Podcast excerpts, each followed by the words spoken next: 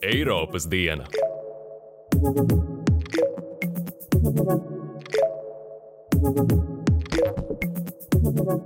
Sveicināti Eiropas dienā! Es esmu Andris Uzāns. Šajā podkāstu epizodē pievēršamies Eiropas komisijas jaunākajam ierosinājumam par vienotu lādētāju standartu elektroniskajām ierīcēm un to, kā uz to rēģējusi kompānija Apple, kas pieturas pie sava standarta. Vēstām arī par Eiropas parlamentā spriesto, kā labāk aizsargāt strādājošos un iedzīvotājus no veselībai kaitīgā asbesta, kura izmantošana jau vairāk nekā 15 gadus ir aizliegta, tomēr ar šo materiālu bieži nākas sastapties senāk būvētās ēkās, un šo ēku renovāciju var radīt būtisku kaitējumu strādājošo veselībai. Runājam arī par Eiropas parlamenta deputātu plāniem pieprasīt stingrākus satiksmes drošības pasākumus un pilsoņu iniciatīvu glābiet bites un lauksaimniekus, kurai izdevies savākt vairāk nekā miljonu parakstu. Vādu muģeklis un dažādu lādētāju kolekciju uz galda vai atvilknēs, tuvākajos gados tas viss varētu kļūt par pagātni. Eiropas komisija ierosinājusi tiesību aktu, lai noteiktu vienotu uzlādes risinājumu visām mobilajām elektroniskajām ierīcēm. Nākt klajā ar šādu priekšlikumu pēdējo desmit gadu laikā Eiropas komisija vairāk kārt ir aicinājusi Eiropas parlaments. Šāds solis tiek spērts, lai samazinātu elektronisko atkritumu apjomu un mazinātu nērtības patērētājiem, ko rada daudz un dažādi nesadarīgi elektronisko ierīču lādētāji. Par standartu visiem vietāluņiem, planšetdatoriem, kamerām, austiņām, portatīviem skaļruņiem un pārnēsājamajām video spēļu konsolēm kļūs 2014. gadā radītā USB-C tipa pieslēgvieta, kuru jau šobrīd savās ierīcēs izmanto liela daļa ražotāju. Tomēr šī iniciatīva jau saskārusies ar tehnoloģiju giganta Apple pretestību, jo šis uzņēmums savām portatīvajām ierīcēm izmanto paša izstrādāto Lightning spraudni. Kompānija savā paziņojumā pauž bāžas, ka stingrs regulējums, kas nosaka tikai viena veida savienojumus, kavē inovāciju, nevis veicina to. Eiropas plāns par vienotu lādētāju ieviešanu un to, kā varētu rīkoties kompānija Apple, šajā podkāstu epizodē izvērtē tehnoloģiju un biznesa eksperts, mobilo sakaru ierīču un digitālās elektronikas tirgotāja LMT Retail and Logistics valdes priekšstādātājs Rinalds Kalniņš. Viņš plānoto regulējumu vērtē pozitīvi un norāda, ka tas būšot gan ērti lietotājam, gan draudzīgi videi. Viņš prognozē, ka vienoto standartu nāksies ieviest arī kompānijai Apple. Viena lieta, kas ir izskanējusi, ka Apple varētu atteikties vispār no līgas teiksim, pāriet tikai uz bezvadu uzlādi. Taču bezvadu uzlāde ir vienmēr būs salīdzinoši lēnāka, un šāds solis varētu radīt negatīvu Apple tēlu vai viedokļu iekārtu. Veselībai bīstamā asbesta problēma nekur nav pazudusi. Tas kā snaudošs ienaidnieks joprojām slēpjas daudzās ēkās. Asbestu var saturēt ne tikai līdz 2000 gadam ražotais jumtu klājuma materiāls šīferis, bet arī termoizolācijas un citi celtniecības materiāli. Tagad, kad daudzas ēkas tiek siltinātas un renovētas, saskara ar bīstamajiem asbesta saturošiem materiāliem ir ne tikai būvniekiem, bet asbesta šķiedras spiest elpot arī tie, kas dzīvo renovējumās mājas tuvākajā apkārtnē. Plēšot vai laužot materiālus, kas satur asbestu, gaisā izplatās mikroskopiskas asbesta šķiedras, kas ir pārāk mazas, lai tās varētu saskatīt ar neapbruņotu aci un apjaust to bīstamību. Turklāt nelielu izmēru dēļ tās ilgstoši atrodas gaisā un nenosēžas. Pētījumi liecina, ka asbesta šķiedras darba vidē vidas gaisā var saglabāties pat līdz 70 līdz 80 stundas pēc darba veikšanas. Asbesta šķiedras un putekļi, kā āķi, ieduras elpceļos un plaušās, traumējot plaušu audus. Šķiedras nenoārdās un netiek izvadītas no organisma, tāpēc var izraisīt smagas saslimšanas, tā skaitā ļaundabīgos audzējus. Briesmas nav redzams uzreiz, jo parasti no asbesta šķiedru ieelpošanas brīža līdz slimības sākumam ir garš apslēptais posms, kas var ilgt pat 15, 20 gadus. Starptautiskās arodu veselības komisijas eksperti aprēķinājuši, ka pie pašreizējiem celtniekiem likumīgi atļautajiem limitiem saskarēja ar asbesta šķiedru, Eiropas Savienībā katru gadu aptuveni 90 tūkstoši nāvis gadījumu saistāmi tieši ar asbestu. Satraucošā situācija apspriesta Eiropas parlamenta nodarbinātības un sociālo lietu komitejas sanāksmē, izskatot ziņojumu par darba ņēmēju aizsardzību pret asbestu. Eiropas parlamenta ziņotājs par šo jautājumu deputāts no Dānijas Nikolais Vilumsens norāda, ka ēku zaļās renovācijas vilnis, kur saskara ar asbestu, ir neizbēgama, situāciju varētu tikai pasliktināt. Ja mēs nerīkosimies tagad, Mēs riskējam, ka desmitiem tūkstoši būvstrādnieku zaudēs dzīvību zaļā renovācijas viļņa dēļ, ja mēs nenodrošināsim viņiem labāku aizsardzību pret asbestu. Pirms ķeramies klāt šo tematu plašākam izklāstam, ieskatīsimies vēl dažās citās Eiropas aktualitātēs.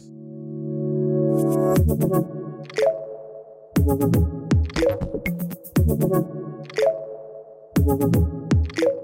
Eiropas parlamenta deputāti plāno pieprasīt stingrākus satiksmes drošības pasākumus, lai līdz 2050. gadam nāves gadījumu skaits uz Eiropas ceļiem saruktu gandrīz līdz nulei. Rezolūcijas projektā, par kuru deputāti debatē un balso šonadēļ, atzīmēts, ka ik gadu aptuveni 22,700 cilvēku zaudē dzīvību uz Eiropas Savienības ceļiem un aptuveni 120 tūkstoši cilvēku gūst smagas traumas. Aizvadīto gadu laikā ir apstājies progress virzībā uz bojāgājušo skaitu samazināšanu un nav sasniegts Eiropas Savienības mērķis no 2010. līdz 2020. gadam uz Eiropas Savienības ceļiem bojā gājušo skaitu samazināt uz pusi. Lai labotu šo situāciju, deputāti aicinās vairāk ieguldīt ceļu satiksmes drošībā, noteikt maksimālo standarta ātrumu 30 km/h apdzīvotās vietās un teritorijās, kur ir liels riteņbraucēju un gājēju skaits, kā arī paredzēt pilnīgu neiecietību pret transporta līdzekļu vadīšanu alkohola reibumā.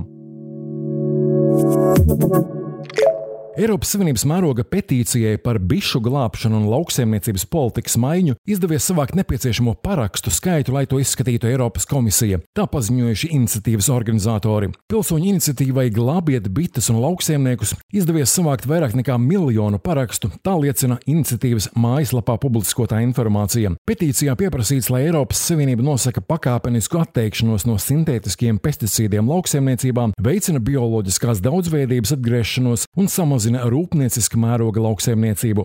Eiropas komisijai ir jāapsver visas Eiropas pilsoņu iniciatīvas, kurām izdevies savākt vismaz miljonu parakstu no septiņām dalību valstīm. Tomēr Eiropas komisijai nav pienākums obligāti pieņemt jaunus noteikumus.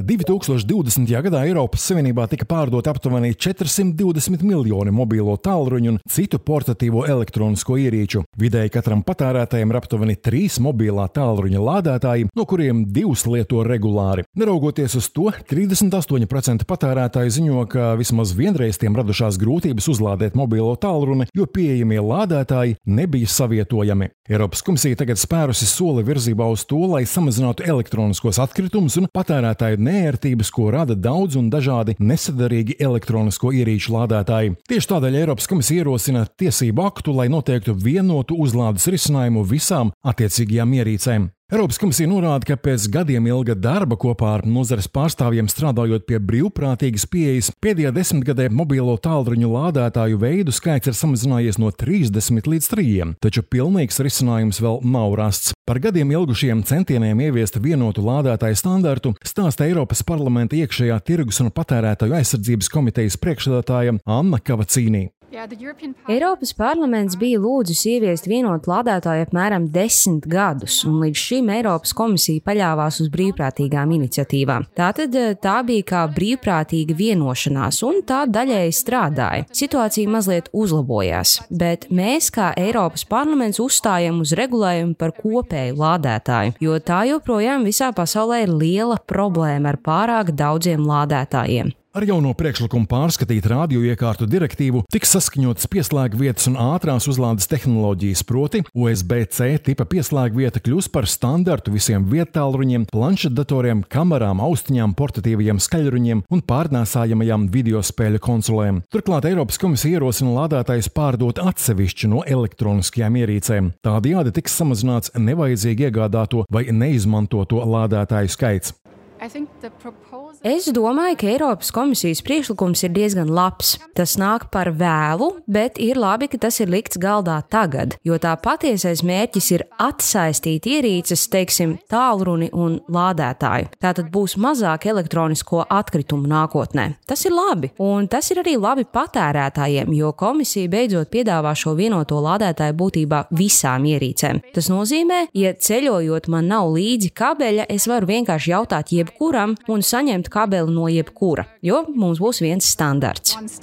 Eiropas komisijas priekšlikums vairos patērētāju ērtības un samazinās vides pēdas nospiedumu, kas saistīts ar lādētāju ražošanu un likvidēšanu, tādējādi atbalstot zaļo un digitālo pārkārtošanos. Um, ir dažādi aprēķini, bet viens skaitlis ir tāds, ka mēs gadā ietaupīsim aptuveni 30 tūkstošus tonu elektronisko atkritumu. Un tas ir diezgan daudz. Un ņemot vērā, ka mums ir Eiropas zaļais kurs, mums jātiek galā ar mūsu milzīgo resursu izšķiešanu. Šis jau ir plats solis šajā virzienā. Topošo regulējumu aicināja izvērtēt tehnoloģiju un biznesa ekspertu uzņēmuma LMT Retail and Logistics valdes priekšstādātāju Rinaldu Kalniņu. Kā viņš vērtē šo vienotā lēdētāja ideju? Viennozīmīgi vērtēju viņu pozitīvi.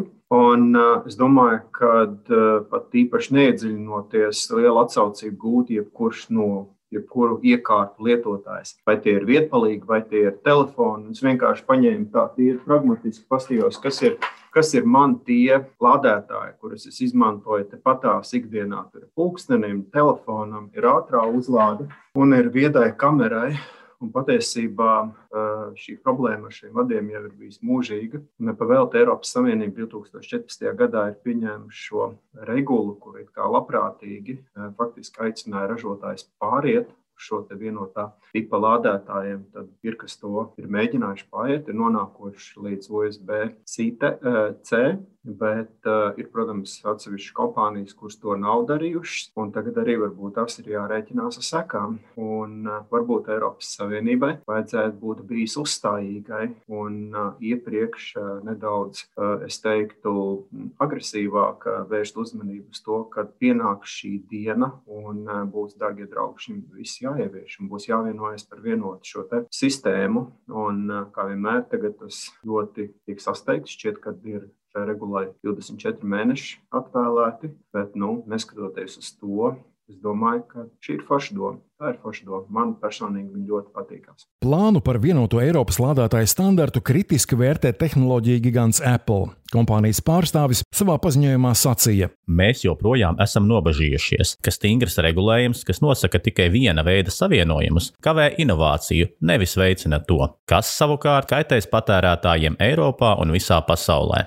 Apple iepriekš brīdināja, ka šādi plāni riskē radīt nepieredzētu elektronisko atkritumu apjomu. Ekspertam jautāju, kāda ir iespējamie kompānijas Apple risinājumi, lai šo regulējumu izpildītu. Par to, kā varētu reaģēt Apple. Viena lieta, kas ir izskanējusi, ka Apple varētu atteikties vispār no līgas un pāriet tikai uz bezvadu uzlādi. Taču bezvadu uzlāde ir vienmēr būs salīdzinoši lēnāka, un šāds solis varētu radīt negatīvu Apple tēlu vai viedokļu iekārtu. Atbilstoši Teorētiski iekārtā varētu būt vairākas ligas, vai iekārta līdz uh, tiek dots līdz adapters, bet šaubos, vai kāds uh, vēlas vispār šādu risinājumu. Man pašam liekas, ka Apple nebūs daudz izvēles variantu, un USB-C līgstu nāksies ieviest. Un skatoties to, ka Apple 2020. gada šķiet, ka 30. jūnijā ir izdevusi savu ilgspējas politiku, kur daudz dažādas lietas ir aprakstītas, un uh, Katrā gadījumā, ignorējot šo prasību, manā skatījumā tas varētu būt tāda iešana pret viņu pašu politiku, kas ir. Viņa politika ir arī viņa mājaslapā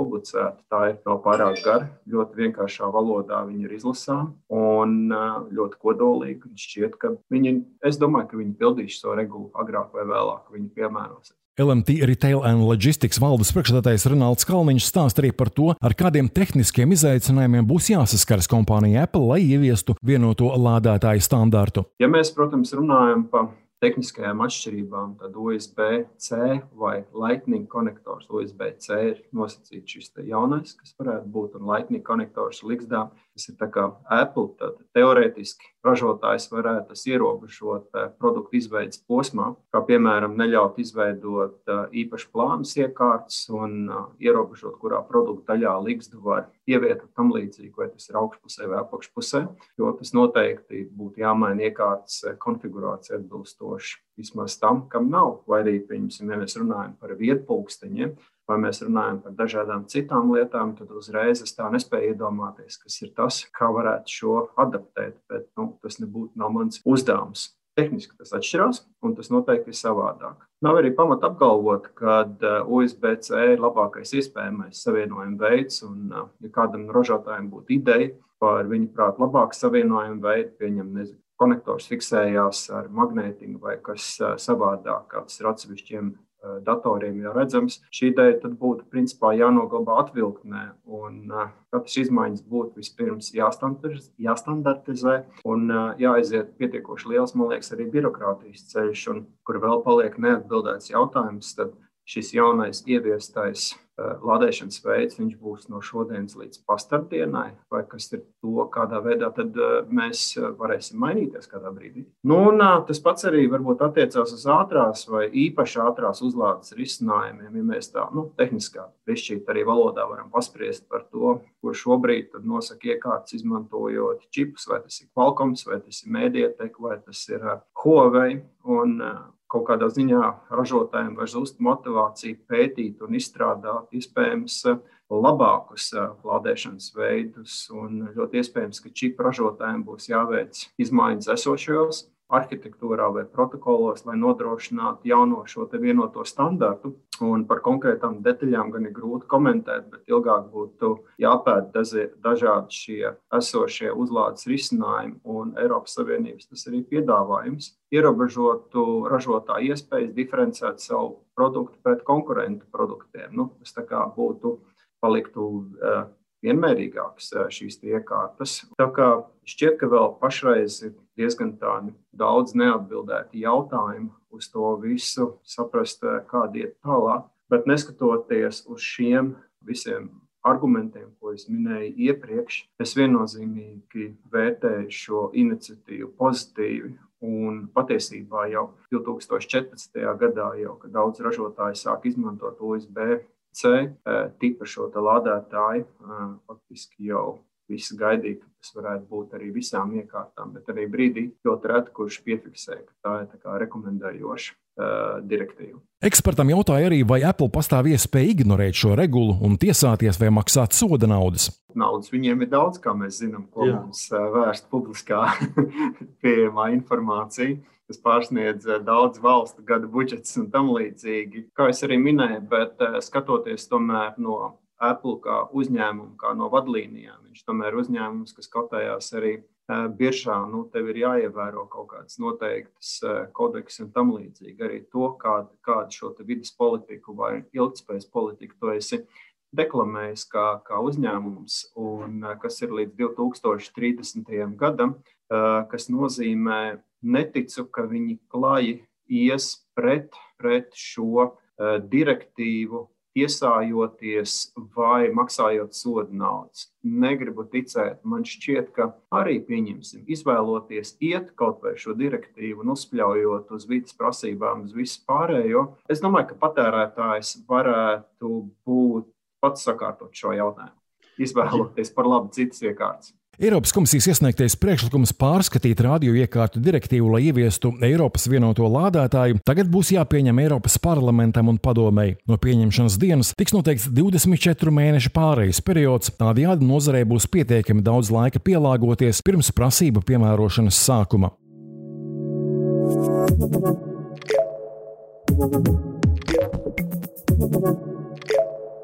Thank you. Eiropas komisija vēlas līdz 2030. gadam atjaunot 35 miljonus ēku, kas ir neefektīvas energoresursu izmantošanā. Taču renovējumās ēkas slēpj sevi arī draudu būvstrādnieku veselībai - celtniecības un siltumizolācijas materiālos izmantoto asbestu. Asbests savulaik tika slavēts kā gandrīz maģisks materiāls un tika cildināts par tā unikālo izturību pret karstumu, uguni, elektrību un ķimikālijām, kā arī par zemām ieguves un ražošanas izmaksām, un tas kļuva par ļoti plaši izmantotu izaivielu. Arheoloģiskie pētījumi atklājuši, ka asbests tika izmantots jau akmens laikmatā, lai keramikas traukus padarītu izturīgākus. Senajā Grieķijā, lai radītu ugunsdrošu audumu un lampu daktis, bet senajā Eģiptē tika iestrādāts mumificēšanai paredzētie audumā. Tomēr plašāku pielietojumu tas guva sākot ar 19. gadsimta beigām, un jau tad parādījās pirmās ziņas par asbesta kaitīgo ietekmi uz veselību, proti dažādām plaušu kaitēm asbesta ražotnēs strādājošajiem. Tomēr šī industrija daudzus gadu desmitus nebija apturama. Latvijā jebkuru asbestu un asbestu saturošu materiālu piedāvāšanu tirgu un lietošanu aizliedza sākot no 2001. gada, visā Eiropā no 2005. gada. Aprēķināts, ka aptuveni 3,17 miljoni cilvēku pēdējo 40 gadu laikā Eiropas Savienības valstīs miruši asbesta šķiedru ieelpošanas rezultātā. Šobrīd ēku renovācija ir gan lieliski iespēja no asbesta saturošiem materiāliem atbrīvoties, bet vienlaikus milzu draudz nozarei strādājošo veselībai un pat dzīvībai. Par to pagājušā nedēļa tika runāts Eiropas parlamenta nodarbinātības un sociālo lietu komitejas sanāksmē, izskatot ziņojumu par darba ņēmēju aizsardzību pret asbestu. Situācijas nopietnību skaidro Eiropas parlamenta ziņotājs par šo jautājumu deputāts no Dānijas Nikolais Vilumsens. Asbests Eiropā tika aizliegts 2005. gadā. Tas bija pilnīgs aizliegums. Tomēr 80% ēku Eiropā ir celts pirms šī pilnīga aizlieguma. Tas nozīmē, ka mēs esam situācijā, kad ēkas tiek atjaunotas ne tikai zaļā renovācijas viļņa dēļ, kas ir ārkārtīgi svarīgi klimatam, taču tas var novest pie darbinieku bīstamas saskares ar asbestu. Tādēļ patiešām ir jārīkojas. Riskam visvairāk pakļaut ir nevien celtnieki, bet arī ugunsdzēsēji un cilvēki, kas dzīvo līdzās renovējamām ēkām. Mēs zinām, ka 2019. gadā vairāk nekā 90 tūkstoši cilvēku nomira no slimībām, kas saistīts ar asbestu, un šis skaitlis pieaug. Tādēļ, ja mēs nerīkosimies tagad, Mēs riskējam, ka desmitiem tūkstoši būvstrādnieku zaudēs dzīvību zaļā renovācijas viļņa dēļ, ja mēs nenodrošināsim viņiem labāku aizsardzību pret asbestu. Eiropas parlamenta ziņojumā Eiropas komisija tiek aicināta izstrādāt Eiropas stratēģiju asbesta pilnīgai likvidēšanai un mudina visas dalību valstis pieņemt valsts rīcības plānus šīs stratēģijas īstenošanai. Būtībā mēs iesniedzām priekšlikumu par stratēģiju visa asbesta likvidēšanai Eiropā, jo tas ir vajadzīgs, ja vēlamies būt sociāli taisnīgi. Mums jāpārliecinās, ka tie, kas šo darbu dara, atjauno mājas, nezaudē dzīvību. Tāpēc tas nozīmē, ka mums jāpielāgo pieļaujamie limiti jaunajiem zinātniskiem pētījumiem, norādot, ka pat zem asbesta iedarbība var būt nāvējoša. Mums jāveic obligāts māju pārbaudas pirms atjaunošanas. Mums ir jābūt publiskiem reģistriem, lai mēs to zinātu, kur asbests ēkās atrodas, un ir nepieciešama labāka un obligāta izglītošana strādniekiem, kas veic renovāciju. Tātad šis ir Eiropas parlamenta priekšlikums, un es ļoti ceru, ka Eiropas komisija to uzklausīs. Eiropas parlamenta ziņojumā arī norādīts, ka Eiropas Savienībai kopā ar starptautiskajām organizācijām un trešajām valstīm ir jāsadarbojas, lai panāktu asbesta aizliegumu visā pasaulē.